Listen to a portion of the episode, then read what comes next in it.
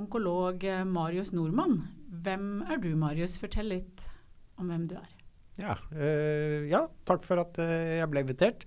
Um, jeg er som du sa onkolog. Jeg uh, startet karrieren på Radiumhospitalet i 2004. Og så var jeg der frem til 2012. Og etter det så var jeg i kontakt med Aleris og lurte på om de hadde en interesse av å bygge opp noe innenfor kreftbehandling, og det hadde de. Så da eh, bygde vi kreftsenteret der i perioden 2012 til 2019. Og når vi kom til 2019, så var egentlig det senteret ganske ferdig gründet og mer over i en driftsfase. Og jeg valgte da å gå ut av Aleris-konsernet og startet Kreftklinikken. Det er da med den hatten på jeg sitter her i dag. Mm.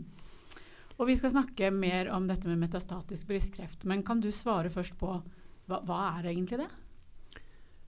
Uh, metastatisk brystkreft altså, Det som gjerne er skillet uh, for brystkreftpasienter, er når så lenge målsetningen er kurativ, som gjelder for de absolutt fleste pasientene, og hvis man da snakker om metastatiske pasienter, hvor man snakker om Eh, palliativ behandling. Nå klinger det synes jeg ganske dårlig, fordi det forbinder de aller fleste med at det er, eh, er, er en behandling som er kortvarig, og at dette går raskt gale veien. Men for brystkreftpasienter så kan man jo leve et fullgodt liv i veldig mange år, selv om det kanskje med dagens verktøy ikke er mulig å kurere. Men så kommer det jo nye ting til hele tiden.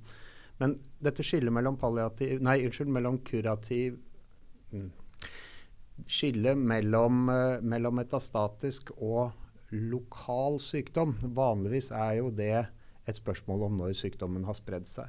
Når det gjelder brystkreft, så er det slik at uh, vi regner det som lokalavansert når det har spredd seg til de nærmeste lymfeknutene i armhulen. Uh, og det er fremdeles en situasjon hvor målsetningen med behandlingen er kurasjon. Og da kan man gi kanskje enda tyngre behandling og akseptere en større grad av midlertidige bivirkninger hvis det er reelle muligheter for å, å, å fjerne sykdommen helt. Hvis man derimot har spredning til andre organer, så vil man med dagens medisiner ha målsetning om å gi best mulig eh, livskvalitet og lengst mulig overlevelse. Og med de medisinene vi har nå, som heldigvis etter hvert har blitt ganske mange, så er det snakk om mange, mange år for de aller fleste. Mm. Og eh, Det er jo tydelig at når man kommer, kommer i den fasen at man da har fått en uhelbredelig brystkreft, så får man ofte den beskjeden som du sier nå, at du kan leve i mange år eh, med denne diagnosen. Men hva finnes det av behandlinger? Hvis du, jeg skjønner at Vi skal ikke gå inn på alle enkeltbehandlinger, men kan du liksom grovt sett fortelle hvilken type behandling man kan få? I dag så er Altså, kirurgi vil alltid være viktig i, hos dem som har lokalisert og lokalavansert uh, kreft, altså å fjerne svulsten. Um, I tillegg så er det jo slik at flertallet av brystkrefttilfellene er positive for østrogenreseptor eller progesteronreseptor. Og da bruker man gjerne en antiøstrogenbehandling i tillegg hos de som er før overgangsalder, som blokkerer østrogensignalet inn i cellene. Hos dem som er etter overgangsalder, så bruker man gjerne da en aromatasehemmer som uh, skrur av restproduksjonen av østrogen. For selv etter overgangsalder så er det en liten produksjon av østrogen som man da ønsker å uh, tvinge ytterligere ned. Mm. Så det er, for, det er, hormondelen av det. Og så er det jo da dette med cellegift, som vel mange tenker på når de tenker på kreftbehandling. Uh, det er eh, fremdeles viktig uh, som en del av behandlingen, men ikke lenger på langt nær det eneste verktøyet, og har nok fått en, en mindre plass kanskje totalt sett enn før når det bare var eh, kirurgi og cellegift som gjaldt.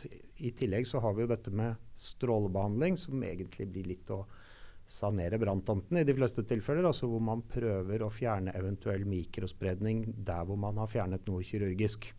Så er det noen ganger også stråling brukes hos dem som har fjernspredning, men da mest for å gi det vi kaller lokal kontroll, og for å dempe smerter. Mm. Eh, eventuelt eh, forebygge at nerver blir skadet, f.eks. i ryggmargen. Mm. Men mest, eh, for det aller meste så brukes uh, strålebehandling til uh, å sikre, eh, sikre operasjonsområder, slik at man re reduserer risikoen for tilbakefall. Og Så er det jo den siste biten da, som, eh, som, jo er veldig spennende, og hvor det kanskje har vært mest utvikling de siste årene. og Det er jo disse nye målrettede behandlingene. og Det er en, en stor gruppe medisiner med forskjellige egenskaper. Mm, vi har de såkalte cellesyklushemmerne, som brukes sammen med antiøstrogener. Uh, vi har også da for dem som har HER2-positiv sykdom, det er ca. 15% som har det, så har vi jo disse nye konjugatcellegiftene. Og det har også kommet en ny konjugatcellegift for de trippelnegative.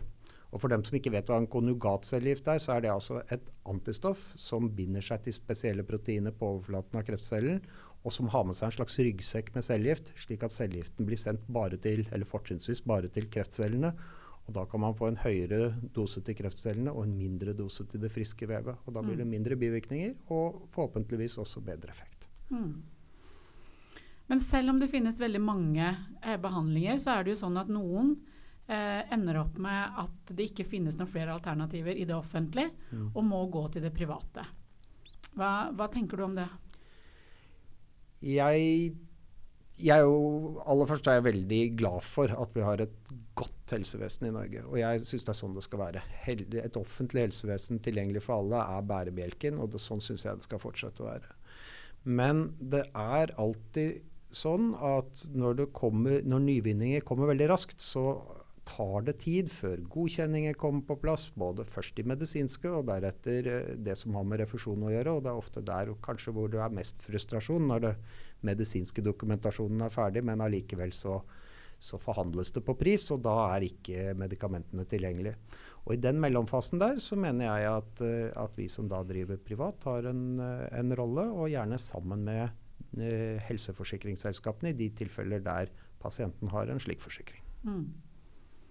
Hvis det er sånn at man kommer til deg eller andre private aktører og får en behandling som viser seg å ha effekt, øh, kan man da gå over i det offentlige, eller hva skjer da?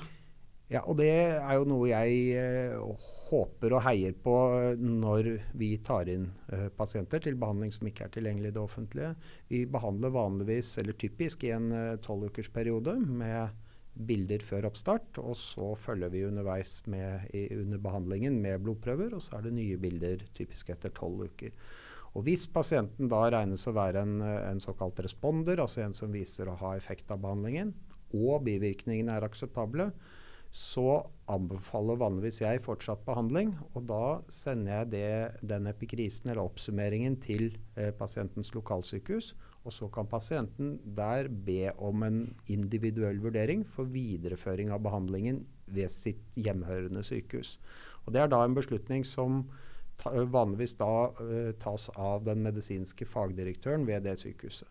Og Det er ikke gitt at man alltid får ja, det beror på mange faktorer. Men man har rett til en individuell vurdering. og det, det, er, det er jo viktig å være klar over. Mm. Og mange, etter min erfaring, får det faktisk innvilget. For det er jo slik at hvis en, en medisin som man ikke helt vet hvor godt virker, faktisk har virket på uh, den aktuelle pasienten, så er jo effekten for den pasienten 100 mm. Og da blir kost-nytte-regnskapet annerledes enn hvis man ser på en stor gruppe hvor kanskje Eh, totalt er det 60% som har effekt. Mm. Så regnskapet blir annerledes på enkeltpasientnivå enn på gruppenivå. Mm. Du møter jo mange pasienter, kanskje nesten alle, som har da uhelbredelig kreft. Ja. Hva tenker du om den mentale påkjenningen det er for dem å leve med, leve med det? Hvordan, hva er det du møter? Altså jeg, jeg tror jeg møter nesten aldri pasienter som forventer å få, har forventet at de skulle få kreft. Så, så, for de fleste så er det nok den første reaksjonen er eh, sjokkartet og litt mm. vantro. Og kanskje særlig i de tilfellene hvor det er spredning helt fra starten, slik at man vet at dette, i hvert fall med dagens teknikk, ikke er en endelig kurerbar sykdom. Mm så syns jo jeg, jeg synes jo at det er Jeg blir stadig overrasket over hvor modige pasientene mine er, og hvor raskt mange ganger klarer å tilpasse seg den nye situasjonen. Og det, det blir jeg faktisk veldig glad for, for det er jo noe med det at livet er jo ikke over selv om man har fått en diagnose. Det gjelder jo på en måte å få mest mulig ut av den tiden man har, enten den er kort eller lang. Mm. Og jeg syns at uh, veldig mange av pasientene greier det bedre enn jeg mistenker at jeg hadde greid selv. Så, og det, det, slutter ikke å imponere meg. Mm. Og så er det selvfølgelig en del som lever greit med sykdommen så lenge den er stabil, selv om de vet at de ikke blir friske, men som får det veldig mye tyngre når man på en måte nærmer seg bunnen av verktøykassen. Og det er jo en del pasienter som da typisk kommer til meg. Mm. Og ofte må jeg fortelle at her har du fått den beste tilgjengelige behandlingen der du har vært mm. uh, i det offentlige. Eller i noen tilfeller så kan vi si at ja, nå er det faktisk kommet nye medikamenter som enda ikke har funnet veien helt inn i de offentlige sykehusene, og som vi da kan gjøre et forsøk med. Mm. Og Da er det jo spesielt viktig synes jeg, å velge behandlinger som ikke gir altfor mye bivirkninger. For dette er jo pasienter som kanskje ikke har, nødvendigvis har veldig lang forventet levetid. Og da er det om å gjøre å ikke, ikke ødelegge de gode månedene eller årene de har igjen mm. med en behandling som er veldig tøff. Men tilbake til metastatisk brystkreft. Hva tenker du, hva tror du er fremtiden? Hva, hva, håper du på, hva kan du se for deg kommer til å skje de nærmeste årene for den diagnosen? Mm. Nå kommer jeg tilbake fra Esmo i Paris i går kveld.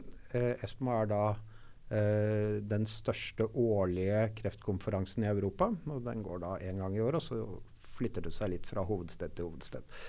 Um, og det som vel hadde mye oppmerksomhet i år, og som jeg syns er veldig spennende, det er denne nye gruppen av medisiner som heter konjugatcellegift. Det var de jeg snakket så vidt om i sted, som også er en kombinasjon av et antistoff som binder seg til et spesielt protein på kreftcellens overflate, og som har med seg eh, cellegift og er koblet til denne cellegiften. Og så slipper cellegiften først ut etter at, eh, etter at dette konjugatcellegiften eh, har bundet seg til og gjerne blitt trukket inn i kreftcellen. Så, så cellegiften slippes ut på innsiden av kreftcellen.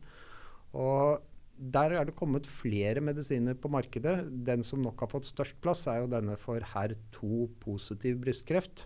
Men det er en, eh, en sånn konjugatcellegift som da blir utviklet for dem som er HER2-positive. Og det er ca. 15% av alle med brystkreft. Men det som da har vært den store nyheten, som for så vidt ble publisert på ASKO tidligere i år, var at det ser ut som den har betydelig bedre effekt enn standardbehandling i siste linje, også for alle dem som er såkalt HER2 low. Og Det som er interessant, det blir litt teknisk, men det som er interessant er at gruppen av pasienter med metastatisk brystkreft Før var det 15% som kunne ha nytte av denne medisinen. Nå er vi oppe i ca. 65% Det Det er en stor forskjell. Og da begynner det å, å også haste å få dette tilgjengelig gjennom de offentlige kanalene, mm. slik at flest mulig kan ha nytte av det. For det, det hjelper ikke de, dem som har metastatisk langkommen bryst, brystkreft nå, hva som blir en endelig beslutning om ett til tre år. Mm. Takk, Marius. Er det noe du vil tillegge som jeg ikke har spurt deg om, som du syns er viktig for denne gruppa? Mm, jeg, jeg syns det viktigste for denne gruppen er at det er nå flere nye medisiner på vei inn. og det er sånn at denne, er, Jeg har litt sånn følelsen at denne ballen ruller fortere og fortere. Så det, mm. det kommer stadig nye ting. Og det er jo sånn at selv om noe har en prognose uh, per i dag, så kan den endre seg etter hvert som vi får tilgang på nye medisiner. Mm. Så én ting er situasjonen her og nå, og hva som er i fremtiden. Man, man, skal ikke legge det helt til oss, for det er det ingen av oss som vet. Mm. Så håp om at det kommer mange nye medisiner om ikke altfor lang tid, kanskje. Ja, ja, det tror jeg det gjør. Takk. Mm.